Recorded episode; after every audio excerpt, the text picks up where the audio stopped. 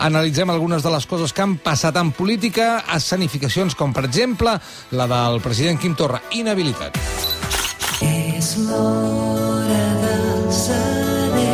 doncs sí, a l'hora dels adeus, Quim Torra, dimecres passat, en aquesta declaració institucional del president, amb el president en un faristol i al darrere membres del govern, eh, tots col·locats a distància, ho vam explicar aquí, vam veure com posaven la cinta amb l'Òscar Fernández, la distància de seguretat, la majoria homes, també s'ha de dir, i tots amb mascareta. Amb la cinta mètrica ho van fer? Sí, sí, sí. sí, sí. En directe? Ostres, no, no, no, no, no, no nosaltres veiem les imatges ah, vale, de la, vale, del vale. senyal intern. Ah, molt bé, molt bé. Com mesuraven? Bé, doncs això ho van tenir en compte, però no van tenir en compte una altra cosa. Que què va passar? Que quan va començar la senyal i va començar el, el, el missatge institucional del president ja inhabilitat, doncs es va tancar el pla nul de la tele i van quedar només els homes. És a dir, les dones van quedar retallades. Oh. I clar, o sigui, ja que et mires la distància de seguretat, què costarà mirar també si eh, doncs, del govern surten així, de, de, de, de cop i volta, totes les dones. Sí, o sigui, hi només hi havia sis homes. Sis homes la, del president. La distribució dels consellers al darrere de, del president responia a algun criteri és concret? Per, és per protocol. És sí, per perquè protocol. hi havia una consellera al davant, a primera fila, però va quedar retallada clar, pel plano de clar, la tele. també al costat, és a dir, a, a, a, tenia Pere Aragonès i, i a Meritxell Budó, per tant, al costat tenia una dona, però Uh, doncs aquestes coses que no es tenen, que no es tenen en compte i que s'haurien de tenir en compte. No? I molta gent era molt crítica quan es va criticar aquest tema en concret, perquè deien, ostres, avui que s'ha inhabilitat el president Torra, com us atreviu a criticar una cosa així? Però és que el dia següent veiem a la taula de govern, no?, on estaven asseguts Pere Aragonès i Meritxell Budó, amb la resta del govern, i hi ha una cadira que va quedar buida i que quedarà viu, en buida la resta de la legislatura. Sí. Doncs, a vegades, quan ens interessa la escenografia, la infravalorem. No serveix per res, només és simbòlica, protocolària, us esteu fixant en tonteries, ximpleries, etc. Però, quan l'escenografia es converteix en denúncia, doncs tothom, ah, ostres, això ja ens interessa. Això també va passar eh, quan es va declarar eh, la independència, entre teoria, la República Catalana, no?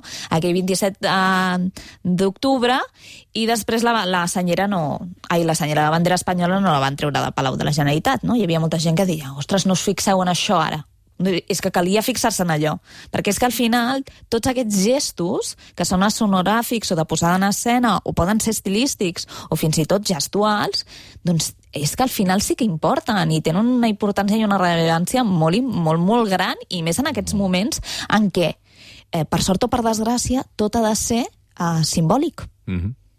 Doncs sí, sí. És que quan té raó, té raó. Jo no puc afegir res més. No, no, no. no. Jo, ves que no, fa, no sigui que de vegades el simbolisme, quan no va a favor nostre, el, el rebutgem i diem que no és important, i quan sí, aleshores sí. No? Bueno, sí, però això ens passa amb tot, no? Perquè aquest primer simbolisme de dir, home, han deixat les dones fora, és, eh, sou les feministes sempre que pesades i tal, sí. això no és important avui, Clar. i l'altre sí que reforça una idea que té altres persones, no? Clar.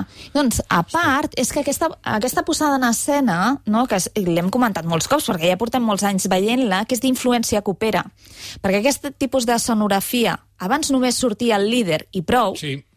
i ara, des de fa uns anys, per influència coopera, perquè els de la CUP són cookies, però a vegades es passen, eh, doncs van voler acabar amb les jerarquies ah, i volien que estigués tothom allà, que no hi hagués un líder concret. Sí, sí. No? I doncs tots acompanyen el líder i anaven parlant un, anava parlant l'altre. Què succeeix amb aquest tipus de scenografies? Que són molt perilloses.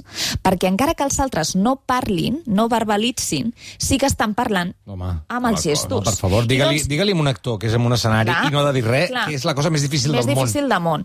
I allà darrere hi havia gent que estava cansada, que estava ah, desitjant ah, pirar. Ah. Hi havia gent que fins i tot s'estava oposant a moltes coses que estava dient el president.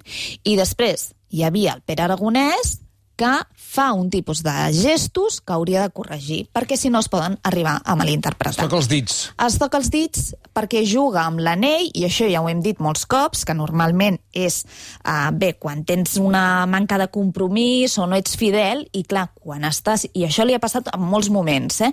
Uh, quan, quan algun president, uh, doncs això, no?, uh, parla de, de la república, de la independència, que arribarà tal i qual, clar, que t'estiguis tocant l'aliança, mm no és el més uh, recomanable. I després es frega les mans. Fregar-se les mans ho podem fer en dos sentits diferents. Un és el del senyor Barnes, sí, que recordarem, sí, no, que és fregar-se les mans. Aquí és per un interès propi. L'altre és quan ens freguem les mans que sembla que estiguem fent foc. No sé com explicar-ho, sí, però sí, seria sí, això, palet, no? El palet al mig, I aquí és un interès, però que seria un interès pels nostres, però és una mica més més, més compartit. I el de però, Pere Aragonès quin és? Eh, És, és, és, el interès, interès propi. Clar, s'estava estava dient, ara seré I jo el aquest president. gest també el repeteix, i el repetia moltíssim, la, la Marta Rovira també d'Esquerra Republicana. Doncs són gestos que potser són per nervis, són propis, eh, perquè, de fet, ahir eh, Pere Aragonès, i ha moltes declaracions, aquest matí també ho deia, assegurava doncs, que respectaria la figura del president Torra, que havia estat inhabilitat i que s'esperarien a unes eleccions i que fins que no hi haguessin eleccions no hi hauria el proper president de la Generalitat de Catalunya. Per tant, jo me'l vull creure, però doncs aquests gestos s'han d'intentar contenir perquè si no hi ha moltíssima gent que els malinterpreta, sobretot quan estàs intentant donar recolzament moral i, i simbòlic a la presidència de Quim Torra. I al costat estàs fent tot aquest mm. seguit de, de gestos. Ara que deies això de la influència assembleària, entre cometes, Sí. de la CUP, de posar gent al darrere de, del qui parla per treure una mica de força al líder, m'ha fet gràcia perquè hi ha hagut una influència cap aquí, de la CUP, cap a la resta de partits, però per altra banda, la CUP se n'ha donat amb el temps que li falta lideratge. Per tant, ara estan repensant recuperar líders com el David Fernández perquè se n'adonen que l'assemblearisme no ven el suficient. Però, escolta'm, És molt boig. És que a les compareixences de la CUP, fixem-nos, perquè ara No no, surten tots, surt un, surt un. Per tant, Igual era una jugada, colar-los el gol als altres. em, sem em semblaria molt bé, perquè aquí els cookies són els que marquen la tendència. Qui està marcant les tendències? La CUP. I tots els altres fan el que diu la CUP. Em sembla estupendo. És molt, molt interessant, realment, aquest moviment de, a banda i banda. Escolta, anem ràpidament, molt ràpidament, Molt de veritat, ràpid, eh? arriba el minuts, futbol, Estats vinga, Units. va, Ràpid. Aviam què puc dir. Doncs mira, us dic una cosa. Sí, El Estats el Units, Biden, debat. Trump, Biden, El debat Trump. va ser horrorós. Increïble, no? I, no, increïble no. O sigui, pf, una presa de pèl i superavorrit. Encara que es diguessin de tot, vull dir, allò no interessava a ningú. Què va ser el millor del debat? La Melania Trump i el seu vestit. Era un vestit jaqueta um, que costava 3.500 euros Carai. i era de Dolce i Gabbana. Saps allò d'America First? Sí. Doncs ara Italy First. Mm -hmm. Ella portava mascareta, quan va arribar allà i va veure que la família Trump no, no en duia, se la, se la va treure, quan ja estava en el lloc tancat, vull dir, i uh, després van pujar les dones a saludar els seus marits. i la Increïble, això em sembla tan increïble, de veritat. No ho entendré mai. I la Melania Trump li va fer així un copet al braç al Donald Trump i la Jill Biden va arribar, li va fer un petó, es van abraçar. O sigui, dues salutacions molt diferents entre, entre les parelles. I S'ha repetit molt, i ara no tenim temps per analitzar-lo, que ha estat el pitjor, no? Sí, el, debat el de la debat de la història, que hi ha hagut molt joc brut, que no sé què, que Biden va caure a les provocacions, etc etc. Jo només vull recordar un moment en què fa quatre anys, quan s'estava debatent el Donald Trump amb la Hillary Clinton, sí. el, el Donald Trump no va parar de fer voltes al voltant de la Hillary Clinton per intentar intimidar-la, ella va aguantar el tipus com va poder i després se'n va penedir i no, perquè no va dir res, no va acusar. Mm -hmm. I tot això els espectadors, fo, votessin republicans o votessin demòcrates, se'n van adonar. Si ho hagués denunciat, potser hagués passat una altra cosa. Ara se Per celebra, tant, per exemple, que Joe Biden li digués guai, eh, pallasso, shut up, man, no? no? que no calla't, calles? pallasso, calla't, ets un mentider, no hi entra dins d'aquestes provocacions. Jo crec que hi- sempre hi ha un terme mig, no? Uh, una cosa és entrar dins de les provocacions i una altra cosa és no dir res.